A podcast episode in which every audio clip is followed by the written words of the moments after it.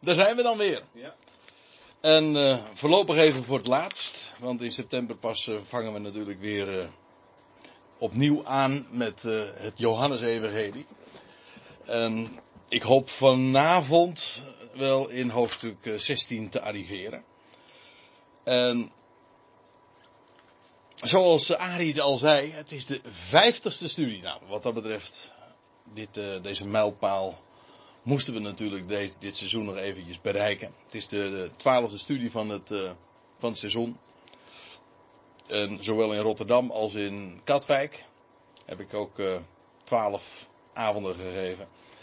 Dus eh, ook hier heb ik het twaalftal, mooi getal, compleet kunnen maken. En studie nummer 50, ja, en zo'n groot aantal. En we, zijn, en we zijn er nog niet, want er resten nog een paar hele lange hoofdstukken. Dus we zullen zien hoe ver we volgend jaar komen. We hebben geen haast. Voordat we de draad op gaan pakken bij vers 15 van hoofdstuk eh, 15 dus. Mooi, mooi getal ook. Eh, wil ik eigenlijk nog even iets zeggen over de locatie. Eh, waar dit alles, deze hoofdstukken, geplaatst moeten worden.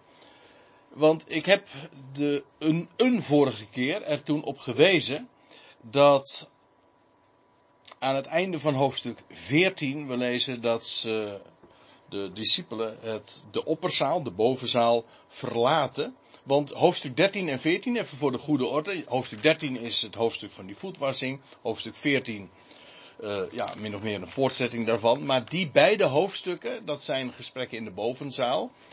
En dan lees je aan het einde van hoofdstuk 14 dat ze daar vertrekken. Of in ieder geval het, dat de Heer Jezus zegt, eh, eh, het voornemen heeft om de, de zaal daar te verlaten. Want dan zegt hij, kom overeind, laten we hier vandaan gaan.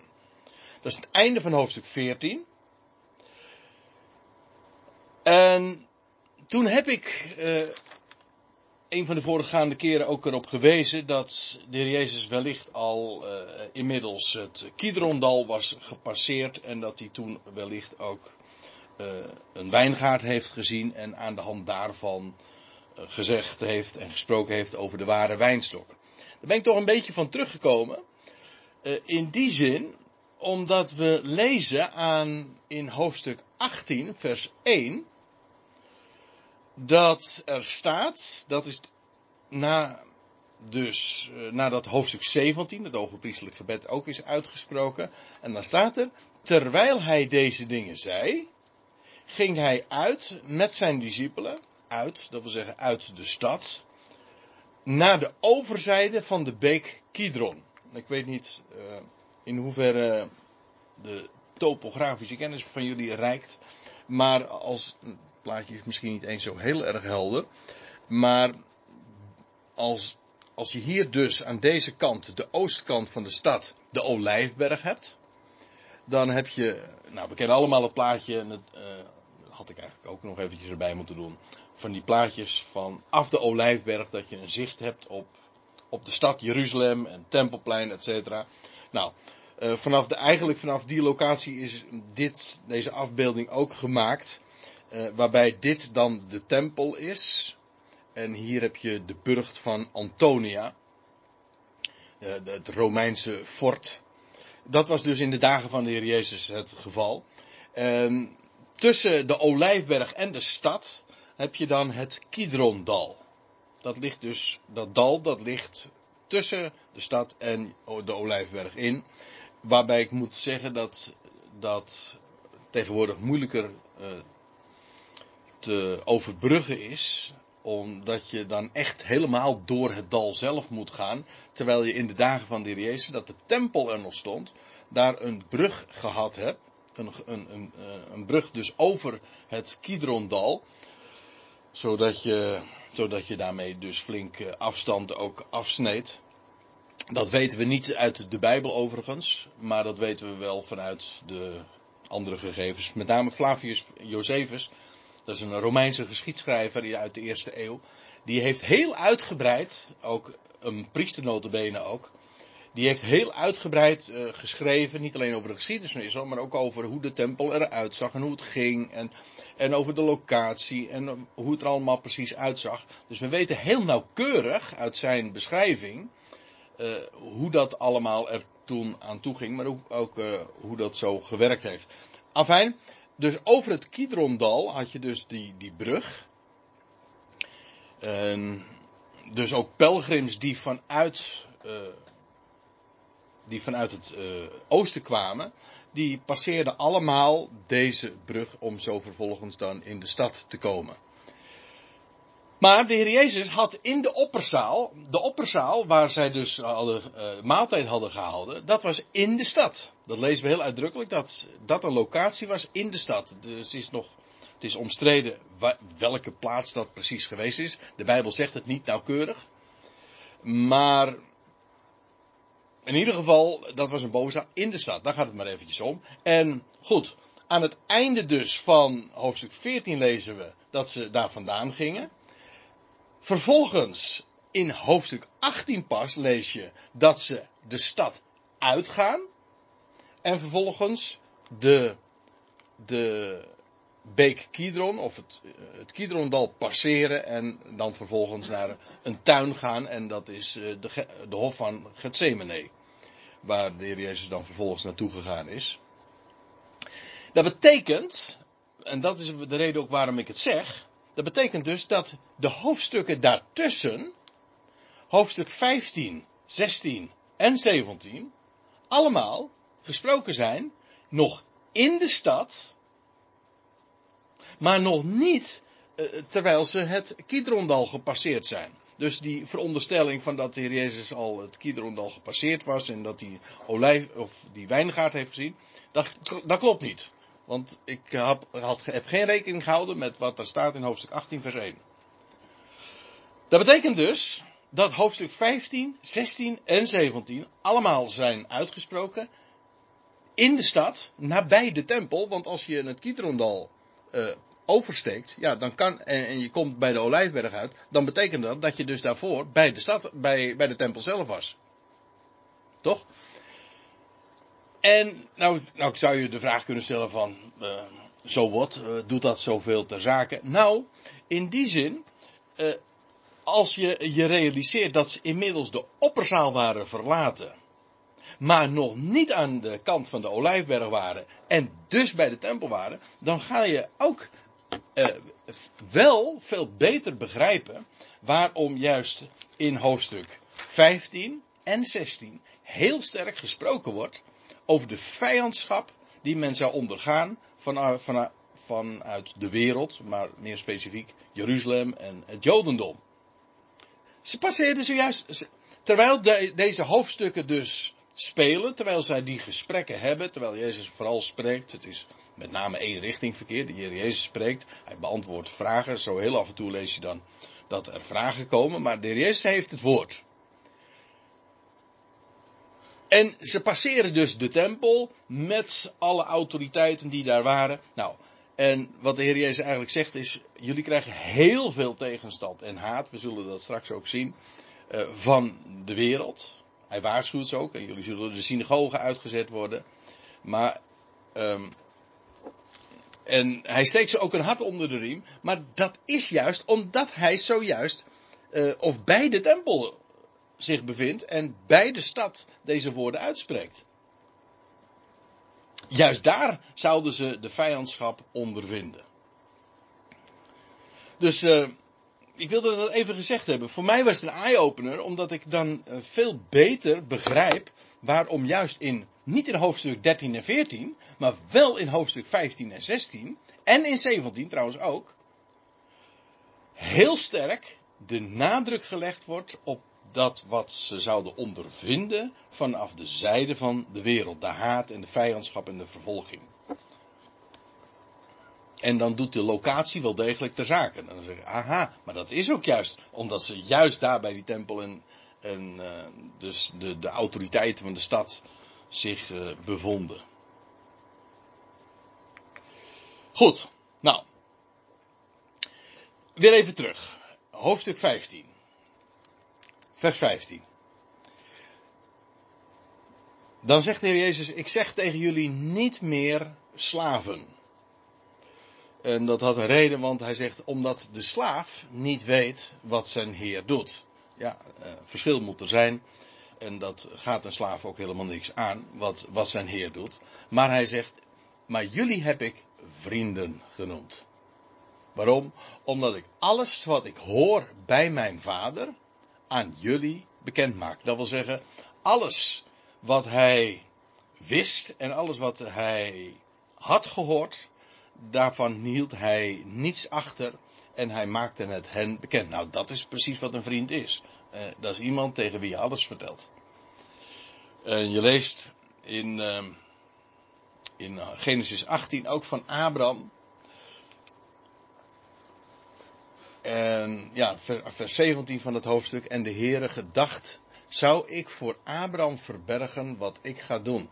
En vooral gaat dat ook eh, betekenis krijgen als je dan je realiseert dat, dat elders in Jacobus 2, uh, ehm, en dat wordt dan weer aangehaald in Jezaja, of pardon, aangehaald vanuit Jezaja 41, dat Abraham een vriend van God wordt genoemd. Niet, dat is dan de evangelische versie natuurlijk, dat God een vriend is van ons. Dat, is een, uh, dat lijkt me echt een misvatting om dat te denken. God is geen vriend van ons. God noemt ons, of nou ja, van Abraham lees je, uh, hij was een vriend van God. Maar je leest nergens dat Abraham God een, uh, een vriend noemt. Wij spreken God niet aan als vriend. Maar om eventjes bij, die bij dat punt te blijven, dat Heer Jezus zelf hen zijn vrienden noemt, omdat hij hen alles wat hij te melden had verteld. Ja, dat is wat een, een gabber ook is. Hè. U weet het, het woord gabber, dat is gaver. Gavrim, dat is vriend. Dan nog zoiets. Ik had het net over, vers 15. Over, uh, over Arminianen, evangelische. Hè. Ja. Daar krijgt Jochem natuurlijk straks ook nog over, een les over. Over de, over de verschillen tussen de Gomerianen en de Arminianen. Als je goed reformatorisch onderwijs krijgt. Hè. Maar, uh,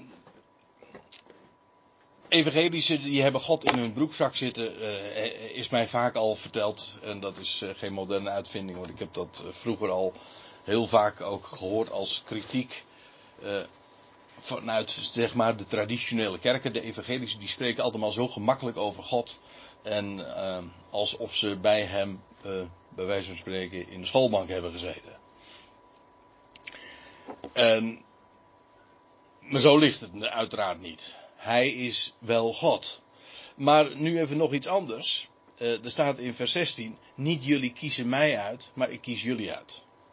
Ook dat is zo'n waarheid uh, die bij diezelfde evangelische waar ik het over had, uh, niet zo makkelijk ligt. En dat wij, dat, dat een mens wordt gekozen.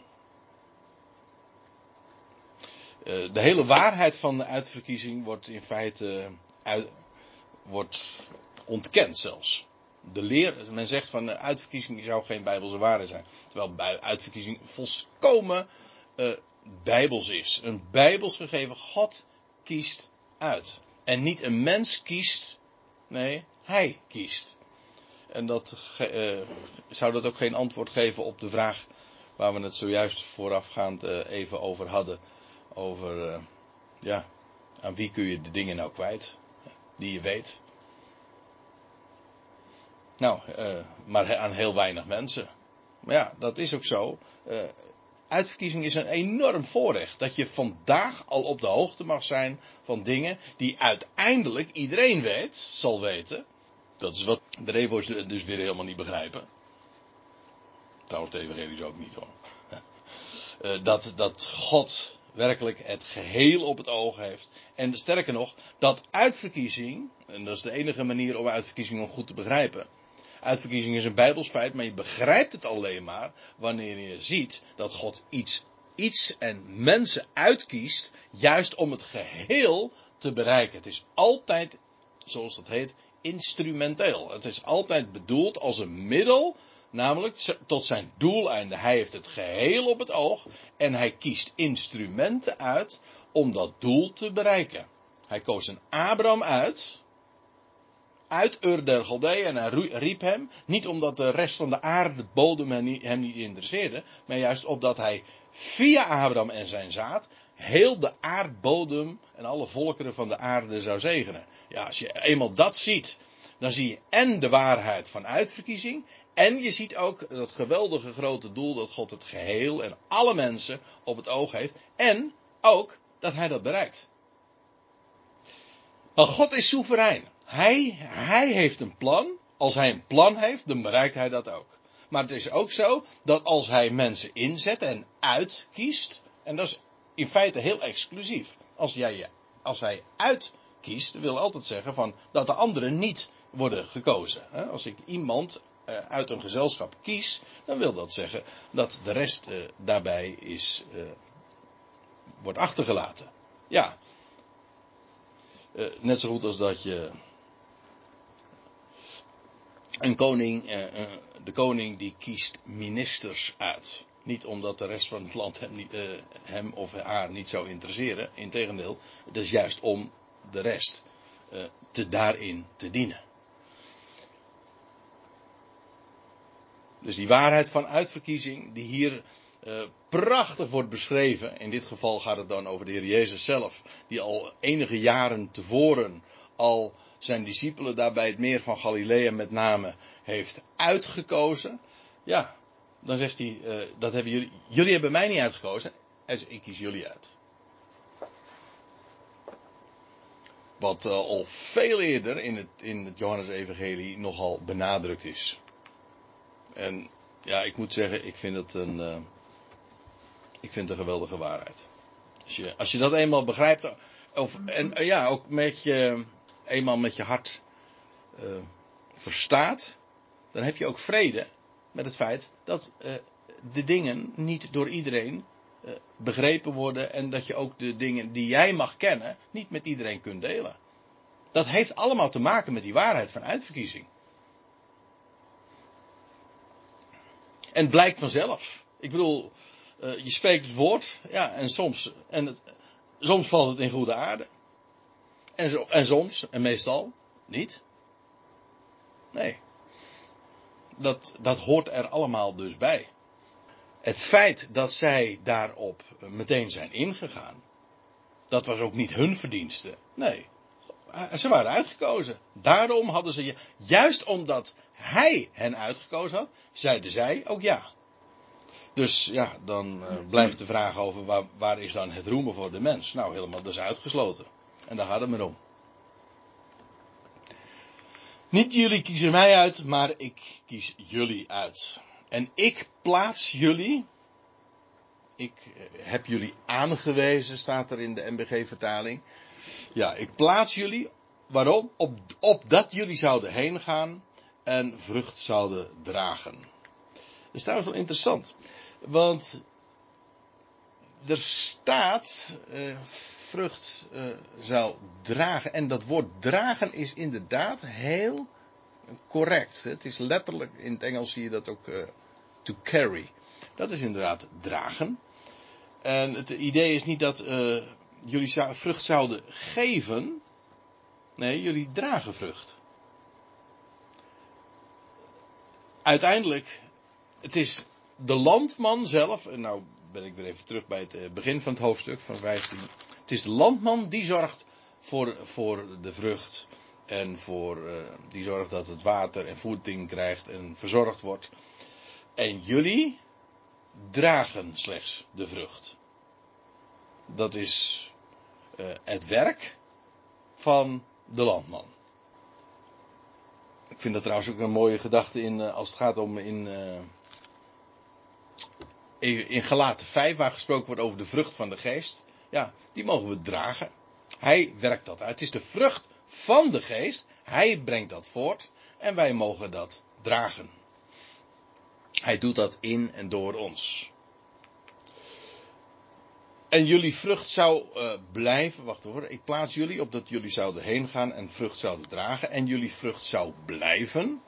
Dus dat is ook een kenmerk van het feit dat het echte vrucht is, want het, blij, het is ook van blijvende aard.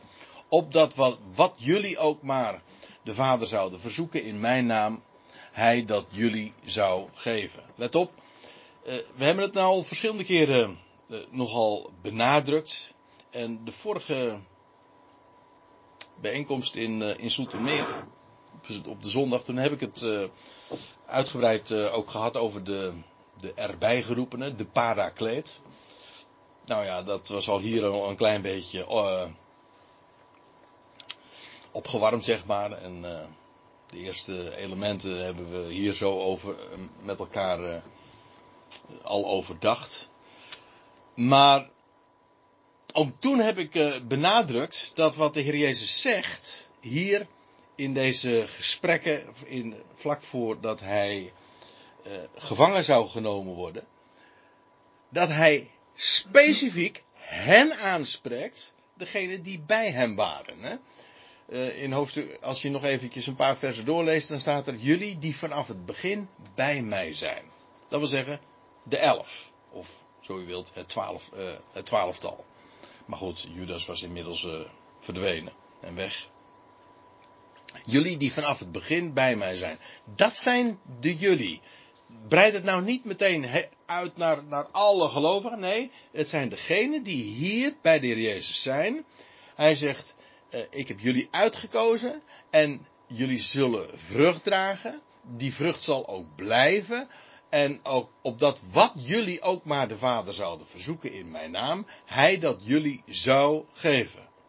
Dus het is een hele sterke, extreme, mag ik wel zeggen, belofte.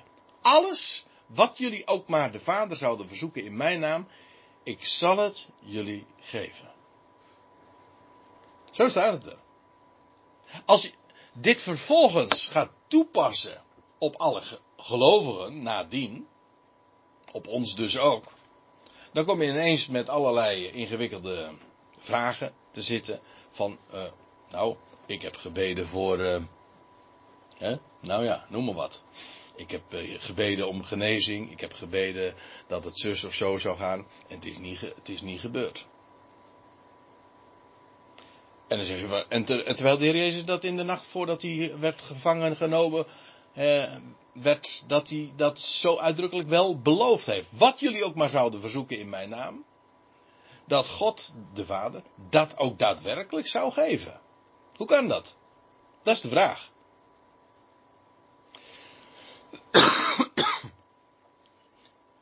En het antwoord is volgens mij helemaal niet moeilijk als je maar weet tegen wie hij spreekt. Namelijk tegen zijn discipelen. En dan wordt het ineens ook volstrekt helder als je het mij vraagt. Want dit is precies wat er gebeurde in de dagen van het boek Handelingen. Gewoon die, de dagen die zeg maar binnen enkele weken nadat deze woorden gesproken werden, eh, begonnen. Namelijk toen de geest werd uitgestort, ruim 50 dagen later zeg maar. Nog geen twee maanden later zou die handelingentijd beginnen. En inderdaad, kijk het maar eens na. Alles wat de discipelen hebben verzocht in de naam van de Heer Jezus, dat hebben ze ontvangen. Ik zou geen uitzondering erop weten. En je leest, het is ook een tijd uh, geweest die bol staat. Kijk het maar na in het boek Handelingen. Nou ja, het, ik zeg kijk het maar na, maar het is ook algemeen bekend, dus ik hoef het niet eens geen moeite te doen om het te bewijzen. Het staat boordevol bewijs. Dat wat de Heer Jezus zelf deed in de dagen van de Evangelie, dat hij hier rondwandelde, dat werd vervolgens in nog in sterkere, grotere mate zelfs, want dat had de Heer Jezus ook gezegd, nog grotere dingen dan wat jullie gezien hebben, gaan jullie meemaken. En inderdaad, dat is vervuld in de handelingentijd. Dit moet je niet vragen van, ja, maar ik zie er vandaag niks van. Nee, maar het, is, het gaat ook helemaal niet over vandaag. Het gaat over de belofte die de Heer geeft aan hen. En dat is perfect uh, en volledig vervuld, zoals je dat ook uh, mag verwachten van een belofte die de Heer geeft. Dus dan heb je uh, meteen een, een, een, een, gigantische theologische vraag getackeld, om zo te zeggen. Want die, die blijft, die bestaat dan niet meer. Uh, gewoon omdat je het scherp hebt gesteld van tot wie richt de Heer zich. En dat is in het algemeen trouwens eh, echt zo'n enorme belangrijke vraag. Ik vind het eigenlijk ook zo logisch eh, als je, ja, als je zulke vraagstellingen dan oppert van, ja, hoe zit dat? Dat je, dat je eerst de vraag gaat stellen, ja, tegen wie werd dat nou eigenlijk gezegd? Dat lijkt mij de allereerste vraag die van belang is. Dat is net zoiets als dat je uh,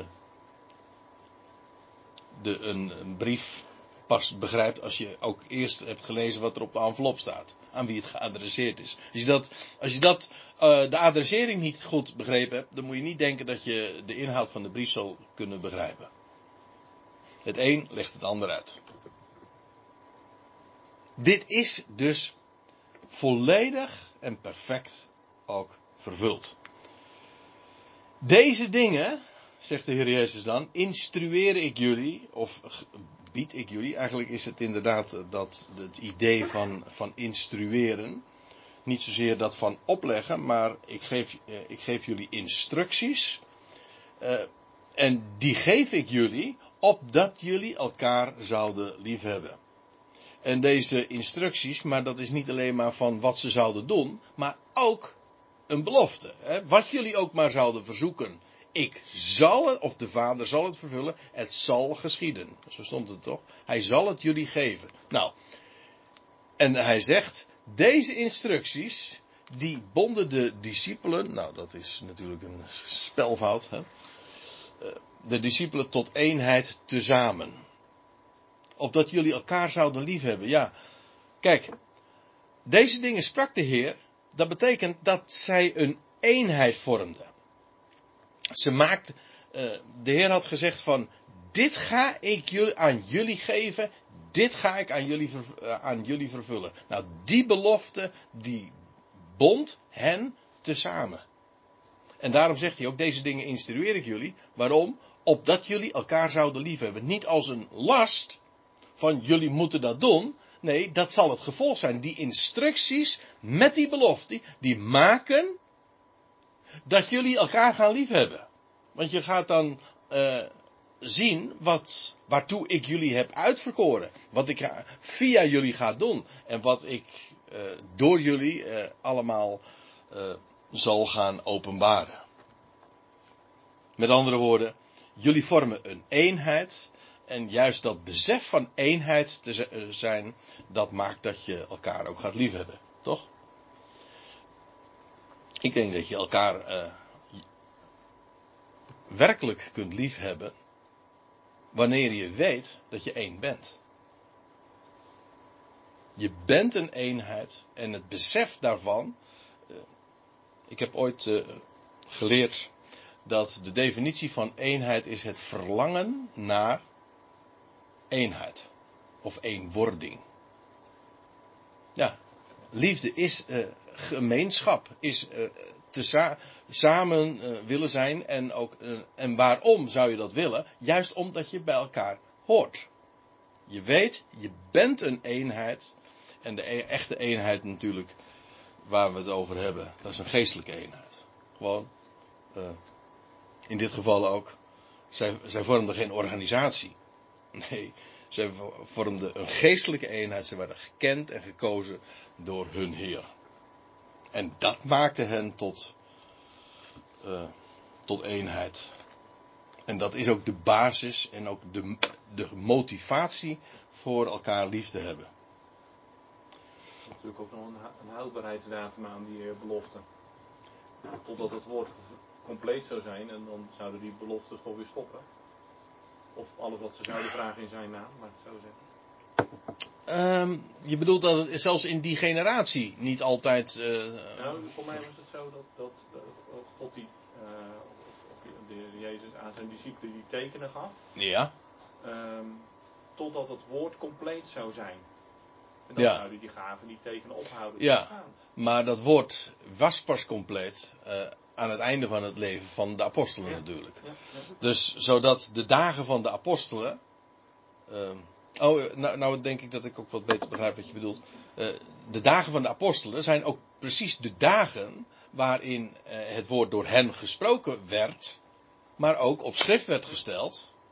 Ja, en toen zij eh, daarmee klaar waren, Uh, vandaar ook, uh, om nog eventjes op aan te haken. Aan het einde van hun leven lees je ook dat. We hebben het er bij een andere gelegenheid wel eens over gehad. Dat uh, Paulus en Petrus met name. Dat je leest dat zij zich hebben beijverd om de schriften ook. Die inmiddels al opgetekend waren. Al die brieven en boeken, et cetera. op ze te verzamelen. Om ze gewoon in één band te brengen en te bundelen en de kanon samen te stellen. En dat is uh, aan het einde van hun leven hebben ze dat gedaan. En toen konden ze inderdaad ook uh, afscheid nemen. Want hun taak was daarmee ook volbracht. En toen, maar dat was ook tevens de tijd dat de wondertekenen ook ophielden. Ja. ja. Heeft natuurlijk, en ja, parallel daarmee heb je een andere uh, ontwikkeling. En dat is dat dat ook te maken heeft met de, de prediking van het koninkrijk. En het koninkrijk dat openbaar zou worden. En de verwachting daarvan. En dat werd aan Israël allemaal ook geproclameerd. Dat heeft ook alles te maken met de handelingentijd.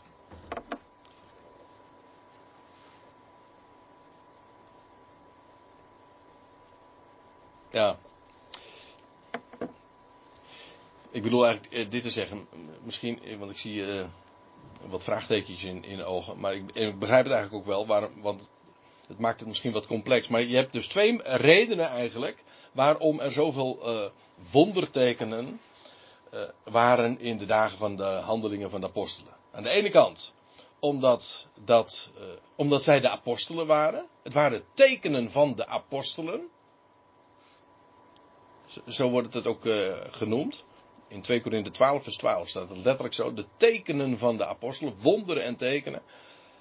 Zij waren afgevaardigd, zij waren gekozen, aan hen was het beloofd. En, en die wondertekenen hoorden bij hun bediening. Dat is de ene, dat is de ene reden. De andere reden dat die tekenen en wonderen plaatsvonden, had, had te maken met het feit dat het, de prediking van het koninkrijk in die dagen gebracht werd. Namelijk, Israël moet tot bekering komen en Israël zou zien wie de Messias is. En dat hebben zij ook dus demonstratief bewezen in die dagen. Dus het was ook met het oog op de openbaring van het koninkrijk. Maar goed, Israël heeft het afgewezen. En het koninkrijk is niet openbaar geworden. Vandaar dat we nu inmiddels een hele gat van 2000 jaar hebben. Ja, hoeveel keuze hadden ze zelf? Ja. Dat is een goeie. Ja, misschien dat we, we komen er straks nog, eh, denk ik, even over te spreken. Want eh, aan de ene kant, de Heer heeft bereid hen al helemaal voor op afwijzing. En tegelijkertijd zie je ook, en dat zullen we straks nog zien, dat hij nog steeds ook inderdaad, uh, dat hij, maar ook de discipelen, uh, de optie nog steeds open houdt van dat er een bekering van Israël zou plaatsvinden.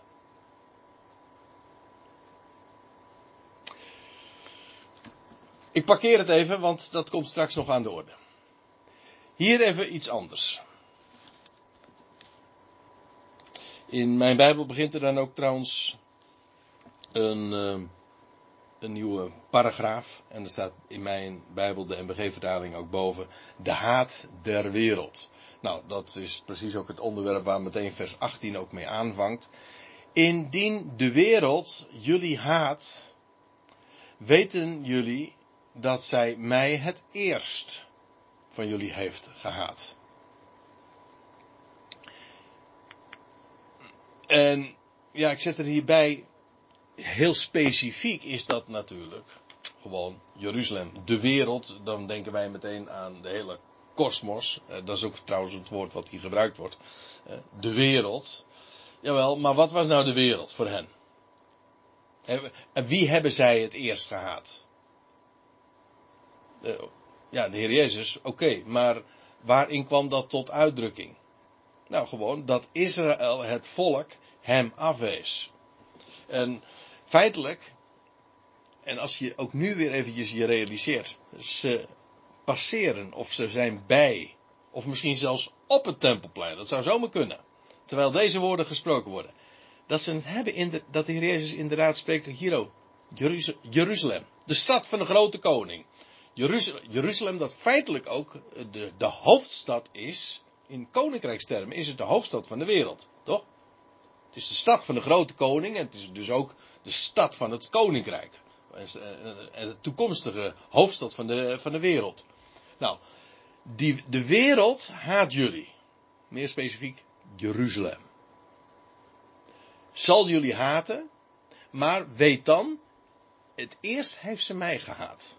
Nou, als je, je hoeft er alleen maar eventjes bij stil te staan wanneer dit gezegd wordt.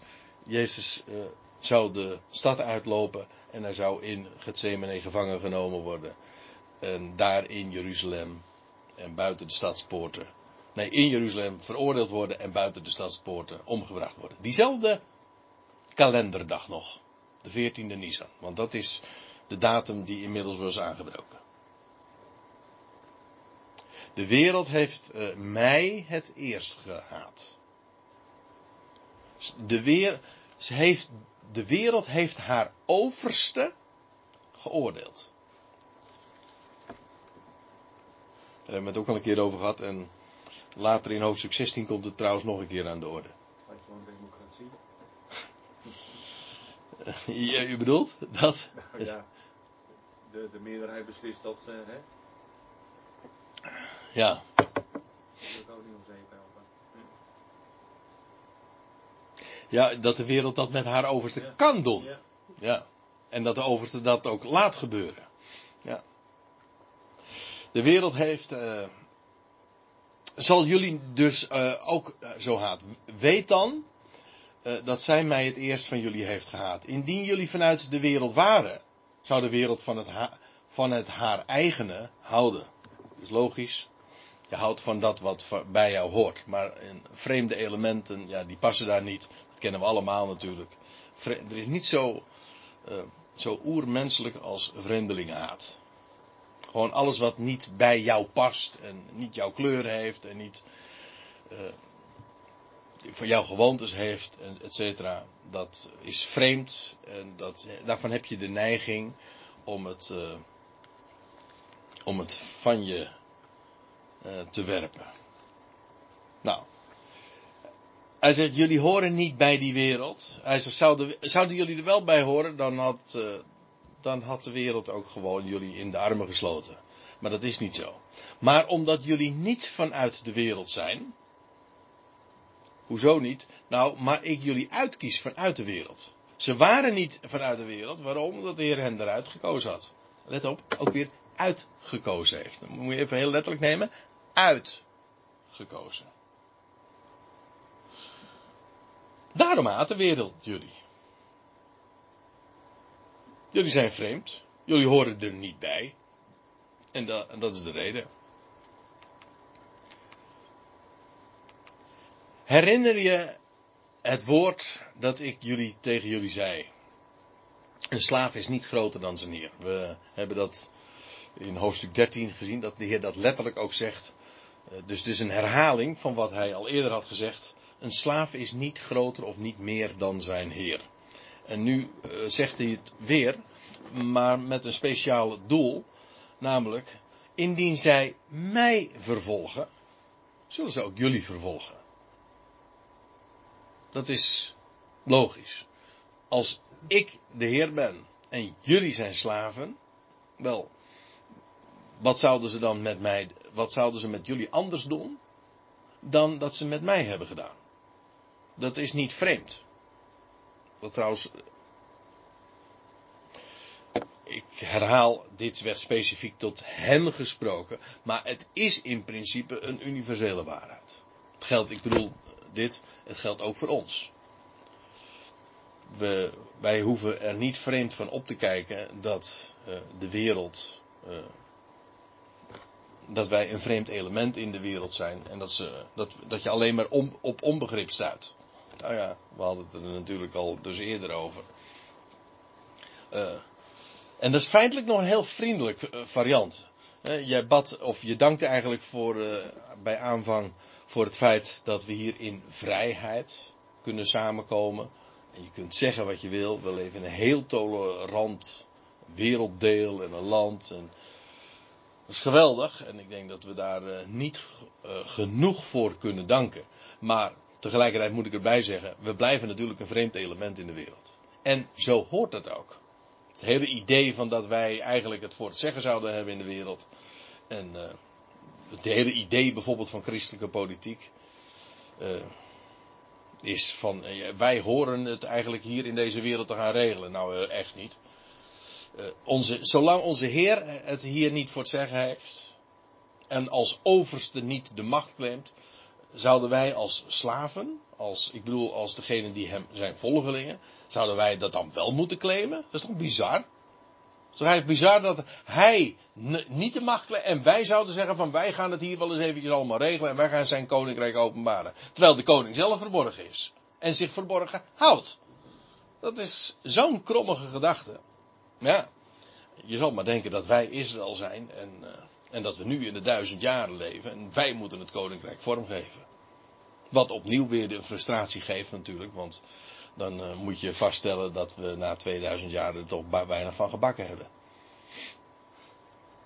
En als je beter weet, dan is het helemaal geen frustratie. Want dan, dan heb je het niet eens verwacht. Sterker nog, uh, eigenlijk alles wat wij hier hebben aan vrijheid. En dat wat wij, als we niet, e niet eens echt uh, in de zin een martelingen en vervolgingen meemaken. Dat is een genade op zich. De normale toestand voor een gelovige is dat hij gewoon veracht wordt in de wereld. En dan zeg ik, ik kan niet anders zeggen, we zitten in ongekend luxe omstandigheden. Toch? Indien ze mij vervolgen, dan zullen ze ook jullie vervolgen. De heer Jezus had gezegd, dat was trouwens een, een, of twee dagen eerder, Matthäus 23, dat, was dat waren zijn laatste publieke woorden trouwens, moet ik zeggen. Publieke woorden gewoon op het tempelplein dat hij dan uitroept, Jeruzalem, Jeruzalem, dat de profeten dood en stenigt wie naar haar toe is afgevaardigd, of wie, wie tot jullie gezonden zijn. Hoe vaak wilde ik jouw kinderen bijeen vergaderen, zoals een hen haar kuikentjes bijeen vergadert onder haar vleugels. En jullie willen niet. Ja, ik had eigenlijk dat vers erop ook nog uh, moeten citeren natuurlijk. Want dat is, weet je wat erachter staat? Sorry, ik, heb het, ik had het eventjes bij moeten zetten, maar er staat dit.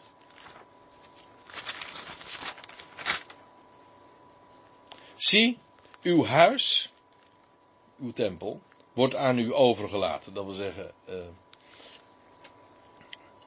uh, die wordt, zal worden verwoest. Want ik zeg jullie, jullie zullen mij van nu aan niet meer zien. Totdat je zegt, gezegend hij die komt in de naam van de Heer. Dus dit waren de laatste woorden die de Heer Jezus sprak op het tempelplein aan publiek. Gewoon als eh, in het openbaar.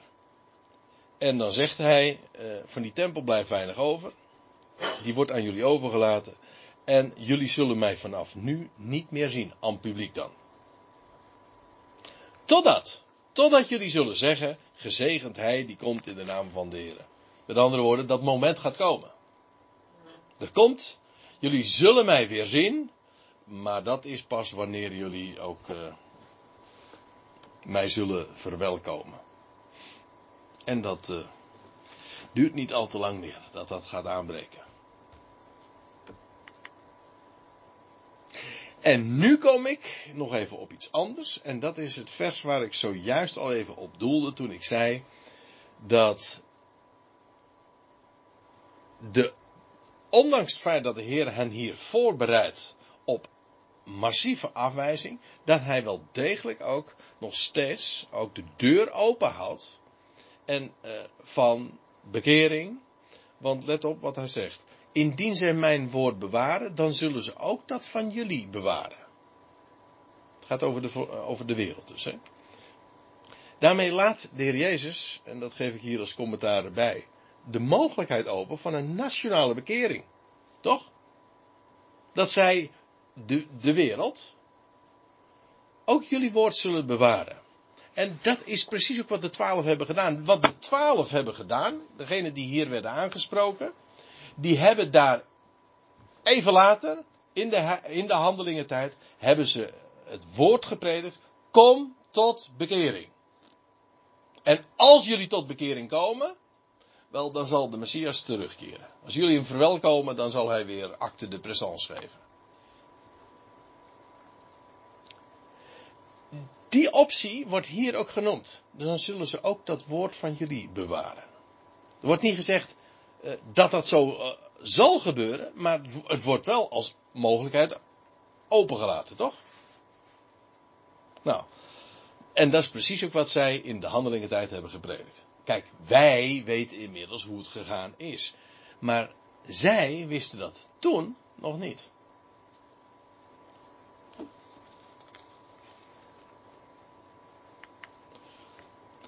Maar al deze dingen zullen zij jullie aandoen vanwege mijn naam. Dat wil zeggen die vervolging uh, die jullie dan ook te wachten zal staan.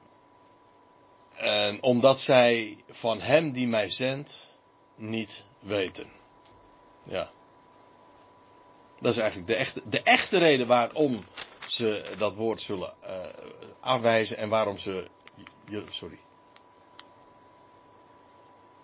Uh, die vervolging, dat is omdat zij hem niet kennen die, uh, die mij zendt. Dat wil zeggen, ze kennen de God van de schriften niet. Een boute uitspraak. Hè? Nog een boute Ja, dat kun je wel zeggen, ja. Dus zij van, uh, niet weten van hem die mij zendt. Dus ik zou. Die moet er toch bij de tempel hebben staan, denk ik dan. Dat laatste verstond ik denk ik niet goed. Je moet toch de tempel daar maar hebben staan. Ik bedoel, de, de, de, de, Dat bedoel ik. de godlovers. Precies. Daar, en daar, ik bedoel, de Heer staat daar, bij de tempel. Ja. En hij zegt van, ze kennen de, de, de God, die mij gezonden, die kennen ze niet eens. Ja, dat is inderdaad een hele boute uitspraak.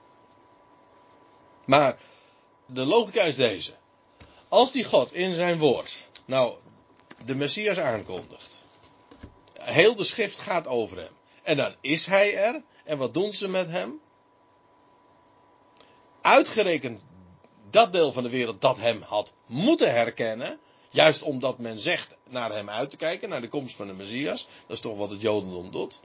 Toen en nog steeds trouwens. En dan is hij er en dan herkennen ze hem niet. Sterker nog, ze doden hem. Nou, daarmee geven ze er blijk van hem, die hem heeft aangekondigd, die hem heeft gezonden, niet te kennen.